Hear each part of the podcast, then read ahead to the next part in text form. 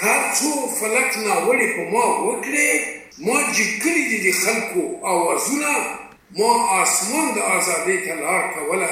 خو افسوس صیاد مې مات کړل وزرونه. دا د پښتو ژبې نومیالی شاعر استاد سلیمان لایق دی چې د لمانځنې لپاره یې په کوټه کې سیمینار شوی دی. دغه سیمینار د دوو ادبي ټولنو پښتو ادبي غورځنګ او نړیوالې پښتو مرکې په زیار جوړ شوی وو چې د پښتونخوا د ګڼو سیمو په ګډون د بلوچستان د ګڼ شمیر پښتني سیمو لیکوال شاعران د ادب او سیاست مینوال هم ورته راغلي وو د سیمینار یو کوربه ډاکټر صادق ژړک وایي استاد سلیمان لایق یو نوښتګر شاعر وو او ترڅو پورې چې افغاني ټولنه وي د لایق صاحب یاد به ژوندی وي ډاکټر صادق ژړک وی او ډیوه ته وویل سلیمان لایق د تیرې یوې پیړۍ د ګوتو پشمیر شاعرانو کې دی زموږ د شلمې پیړۍ او د یشتمې پیړۍ په بهیر کې لمر سره د ګوتو پشمیر دوه درې داسې شاعران دي چې هغه پر یو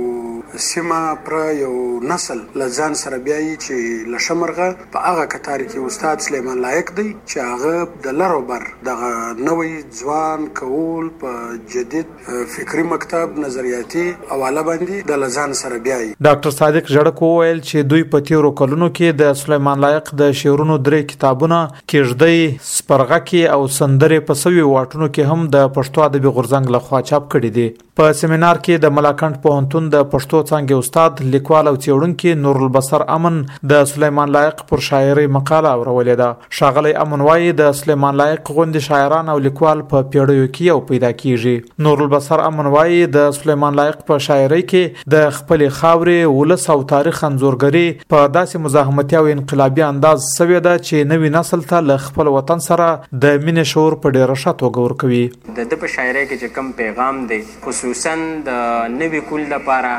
ډیر لوی پیغام پروت دی دغه بنیادی چې کم پیغام دی نو هغه د دې چې زمونږه نوي کول پښتون تشخص پیژني چې زمونږه په دې نړۍ کې په دې سیمه کې زمونږ څه حیثیت دی زمونږ څه اقدار دی او زمونږ څه کردار دی چې کله دا دوی او پیژني نو دوی بیا د خپل حقوقو اغستلو، د هغې د تپوس کولو او د هغې دپاره د مبارزې هغه توان به په دوی کې وي او د نورې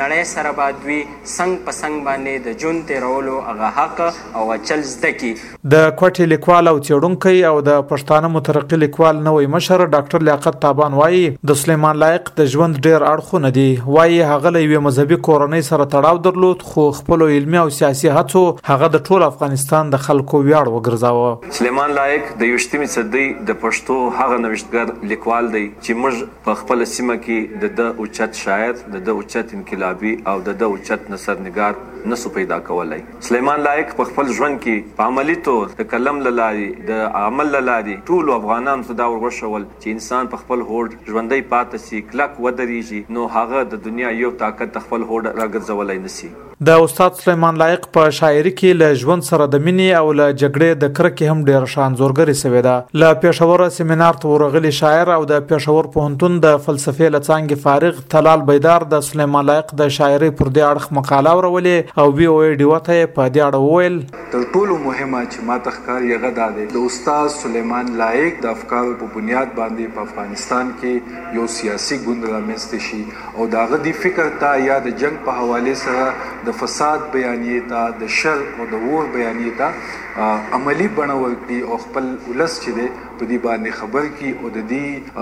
حل په طرف باندې عملی ګام پورته کړي د سلیمان لایق د پښتو او دري شعرونو او نثر کتابونه چاپ شوي دي چې په هغوی کې د ځینو نمونه په دې ډول دي چونغر شعري ټولګه کېږدۍ شعري ټولګه یادونه او درمندونه شعري ټولګه قصې او افسانې شعري ټولګه د اباسین سپېدې قصې سپرغه کې د څلوریدو ټولګه سندرې په سوي واټونو کې شعري ټولګه بادبان، دري شاعري، سمت روشن جاده، دري شاعري او نور آثار شامل دي. سلیمان لایق د دوه زره نولس میلادي کال د ستمبر پر پنځمه په کابل کې په یوه ځانمرګي برید کې زخمي شوی و او د تېر دوه زره شلم میلادي کال د جولای په یو دېرشمه یې د نوي کلونو په عمر په جرمني کې له نړۍ سترګې پټې کړې.